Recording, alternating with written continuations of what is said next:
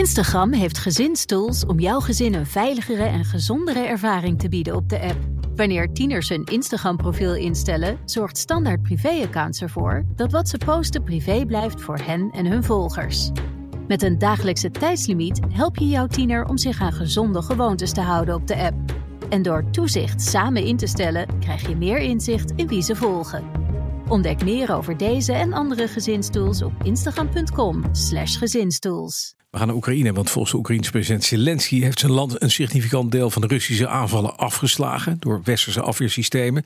Er zouden 65 raketten en 178 drones zijn onderschept door die westerse afweersystemen. Alleen al in de afgelopen week. Maar vannacht ging het weer verkeerd. Een raketaanval in Povrovsk, Pokrovsk, moet ik zeggen, in uh, het oosten van Oekraïne.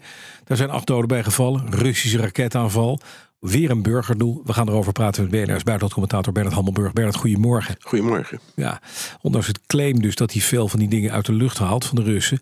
Uh, gebeurt er toch vannacht weer zoiets heel tragisch... waar doden bij te betreuren zijn en, uh, en gewonden. Ja, en het probleem, dat, uh, ja, dat zie je eigenlijk voortdurend, is dat de, de, de Oekraïners hebben echt goed, goede afweer. Komen we direct nog wel even over te spreken.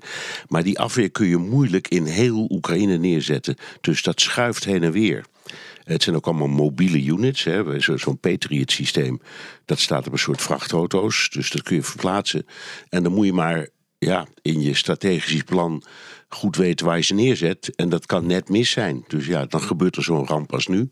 Dan, dan, dan, komen die raketten op je af en je kunt niks terug doen. Nee, nee. Dus dat is een beetje wat, wat daar is gebeurd. Ja, dat is natuurlijk verschrikkelijk. Maar de, het feit dat hij dit zegt, die afweersystemen, waarom zegt hij dit eigenlijk? Nou, er zijn wel interessante. In de eerste plaats omdat hij. De, de boodschap is altijd meer, meer, meer. Ja. He, dus de, als hij zoiets zegt, is het altijd in de context van: ik hou van jullie, jullie houden kennelijk van mij, maar je doet nog niet genoeg. Ja, dat is ja. een beetje de boodschap.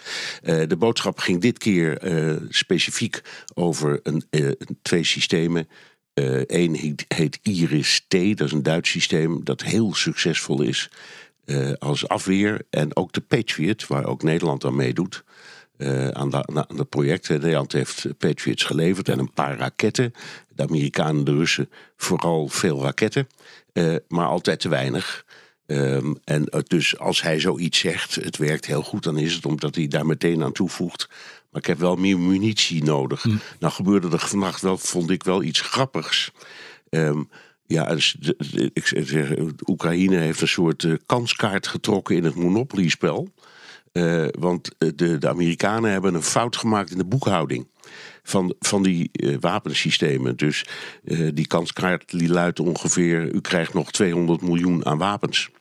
Uh, de bank heeft een vergissing gemaakt. Ja, en, en, en dat is dus, daar hebben ze ook toegegeven. En dat had te maken met de schatting van, het is gewoon een boekhouding van, moet je nou vervangingswaarde calculeren of de echte waarde van zo'n ding. En zeggen, nou hebben we fout gedaan. Dus de Amerikanen zeggen, er komt nog meer naar jullie toe. Ja, precies. Dat heeft Zelensky meteen opgevolgd met een telefoontje met tussen, de, ja, tussen de minister van Buitenlandse Zaken. Mm, ja. met een verzoek om nog meer raketten te sturen van het type Attack MS, ja. Attack, attackums, ja. Ja, en dat zijn dus, dat zijn dus lange afstandsraketten. Ja, precies. Uh, en uh, ik neem aan dat die er ook komen. Um, en dat is weer belangrijk, omdat je ziet dat uh, Oekraïne steeds meer pogingen doet om ook strategische doelen net zeg maar aan de Russische kant of net achter de linie te bereiken. Ja. Dus um, het, het, gaat op zichzelf goed, maar er is een schreeuwend gebrek aan munitie. Mhm. Mm -hmm. En dat is iets wat iedereen probeert op te lossen. Amerika, uh, Europa. Uh, maar ja, uh, we hebben al voor een deel onze eigen voorraden gecannibaliseerd. De productie van dat soort raketten duurt enorm lang en is ook heel duur. Dus ja, het is en blijft een probleem om te voldoen aan wat uh, Oekraïne nodig heeft. Maar ja, zeker. Maar inderdaad, onze bodem komt ook eh, in zicht. Hè? Op het moment dat we blijven zeker, leveren. zeker, zeker, zeker. Ja, Je kunt zeggen, we hebben ze en hier heb je ze. Ja, maar dan heb je maar niks. je hebt, nou ja, maar goed. Hm. Als je kijkt naar uh, de Nederlandse grondwet, hè, daar staat waarom hebben we een krijgsmacht? Nou, dat heeft twee redenen. Eén is de bescherming van het koninkrijk. En twee is het handhaven van de internationale rechtsorde. Nou, wat dat, aan deel 2 voldoen we meer dan ruim. Maar zo langzamerhand doen we aan deel 1, ik meen dat het artikel 96 is van de grondwet of 97, daar voldoen we zo langzamerhand niet meer aan. Als er een aanval op onszelf komt, dan hebben we niet voldoende munitie om ons te verdedigen. Dus het is echt een probleem. Ja, dan eventjes naar Jeddah, die top in het Soedische, uh, uh, die Soedische stad afgelopen weekend wat kunnen we daar nou van zeggen? Want er is weinig uitgekomen. Is het nou wel of geen succes? Want uh, ik sprak gisteren met, met jouw tegenhanger van Nederlands Dagblad, Jan van Bentum. Die zei: Nou, ja, er zijn niet echt concrete beslissingen. We weten het eigenlijk niet zo goed. Wat is er inmiddels uitgelekt? Weten we al wat meer? Ja, we weten meer. En uh, dat, dat is best een, op, laten we zeggen, een optimistisch verhaal. In de eerste plaats. Um, allerlei berichten die China zelf uh, de, uh, meedeelt. Ja. Ehm, bijvoorbeeld, China zegt: We hebben nu echt de kans gehad om met alle mogelijke partijen in dit conflict te praten. Dat hebben we ook gedaan. We hebben ze allemaal gesproken. En um, we begrijpen het allemaal wat meer. We blijven onze neutrale positie houden. Ja. Ze hebben onmiddellijk daarna ook gebeld met Lavrov, de Russische minister van Buitenlandse Zaken, om dat tegen hem te zeggen. He, we hebben dit allemaal gedaan en we blijven neutraal. Maar denk erom, Um, ja, we leggen ook onze contacten aan alle kanten. Dat vind ik een heel belangrijke ontwikkeling. Mm -hmm. De rol van China. Uh, en de Chinezen hebben ook gezegd, maar ook anderen, dat dit een opmaat is naar een vervolgconferentie over een week of zes. En dat zou dan weer kunnen leiden, als dat, dat weer zo soepel verloopt als dit klaarblijkelijk is gebeurd. Hè. Dus niet concreet hoor, maar meer in de sfeer. Iedereen praat nu met iedereen, dat is mhm. goed.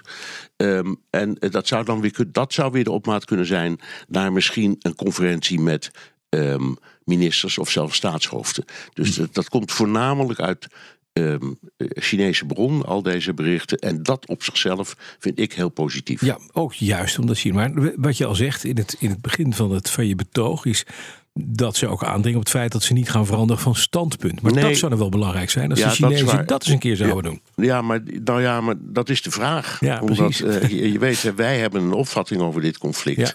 Wij, ik bedoel het Westen. Mhm. Maar we staan er eigenlijk een beetje alleen in. Want heel Afrika, een groot deel van Azië, een groot deel van Latijns-Amerika... vinden eigenlijk iets anders. Die zeggen, ja, wij, we, we, vinden ook niet dat, dat, dat Rusland dat land zomaar mag binnenvallen. Maar we zijn absoluut niet anti-Russisch Integendeel, heel veel van die landen hebben goede relaties met Rus Rusland. Dus dan, dat moet je respecteren. Het is niet anders.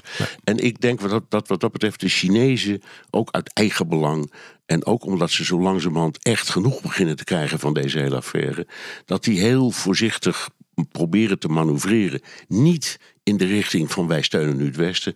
Eh, ook niet in de richting van we zeggen ons bondgenootschap met, eh, met Rusland op. Maar wel in de richting van wil iedereen zwakker worden? Kunnen we niet op tafel gaan zitten? Er, ligt, er, ligt een goed plan. Dat vond ik ook apart. Hè? Er zijn allerlei vredesplannen. Het enige wat kennelijk ter sprake is geweest op deze top in Jeddah was het, uh, het Oekraïense plan. Dus dat was het uitgangspunt voor de gesprekken. Ook heel gunstig. Niet dat dat allemaal uitvoerbaar is, maar het feit dat ze niet allemaal tegen elkaar opboksen. Maar wij, wij hebben ook een 10-puntenplan en zij hebben ook een 20-puntenplan. Nee, ze hebben gezegd: laten we nou eens kijken naar wat die Oekraïners vinden en willen en of daar iets van uitvoerbaar is. Uh, het is misschien allemaal een beetje naïef hoor, van mij dat ik dat vind. Uh, maar ik denk toch het feit dat er een soort van beweging is naar meer praten, toewerken naar onderhandelingen. Ja, wie kan daar in vredesnaam tegen zijn? Dat denk ik ook. En in vredesnaam is een mooie connotatie daarbij. Nog even naar het andere. Een bijna Netflix-achtig verhaal. Zelensky ging op bezoek eh, op een buitenlocatie. En de Oekraïnse geheime dienst heeft nu vereideld dat er een vrouw een aanslag zou willen plegen op Zelensky. Wat weten we daarover? Nou ja, ja uh, hij ging naar, ik meen, Mykolaiv. Mykolaiv. En die vrouw die ze hebben gearresteerd, mhm. die, uh, die was een, ja, moet je zeggen, een locatiespion. Dus die was uh, de, de coördinaten aan het verzamelen mhm. van de plekken waar Zelensky allemaal zou komen. Juist. En dat heeft ze vervolgens doorgespeeld aan uh, de Russische geheime dienst. En de bedoeling was, klaarblijkelijk, zeggen de, uh, de Oekraïners, dat dat moest leiden tot een behoorlijk massaal bombardement. Dus niet alleen maar het afvuren van een raket, maar een bombardement op de plek waar Zelensky zich dan zou bevinden. Is het waar? Ik weet het niet, maar het is wel een mooie aflevering in de next Netflix-serie.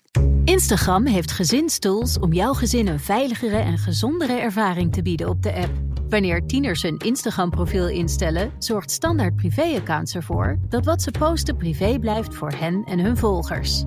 Met een dagelijkse tijdslimiet help je jouw tiener om zich aan gezonde gewoontes te houden op de app. En door toezicht samen in te stellen, krijg je meer inzicht in wie ze volgen. Ontdek meer over deze en andere gezinstools op instagram.com/gezinstools.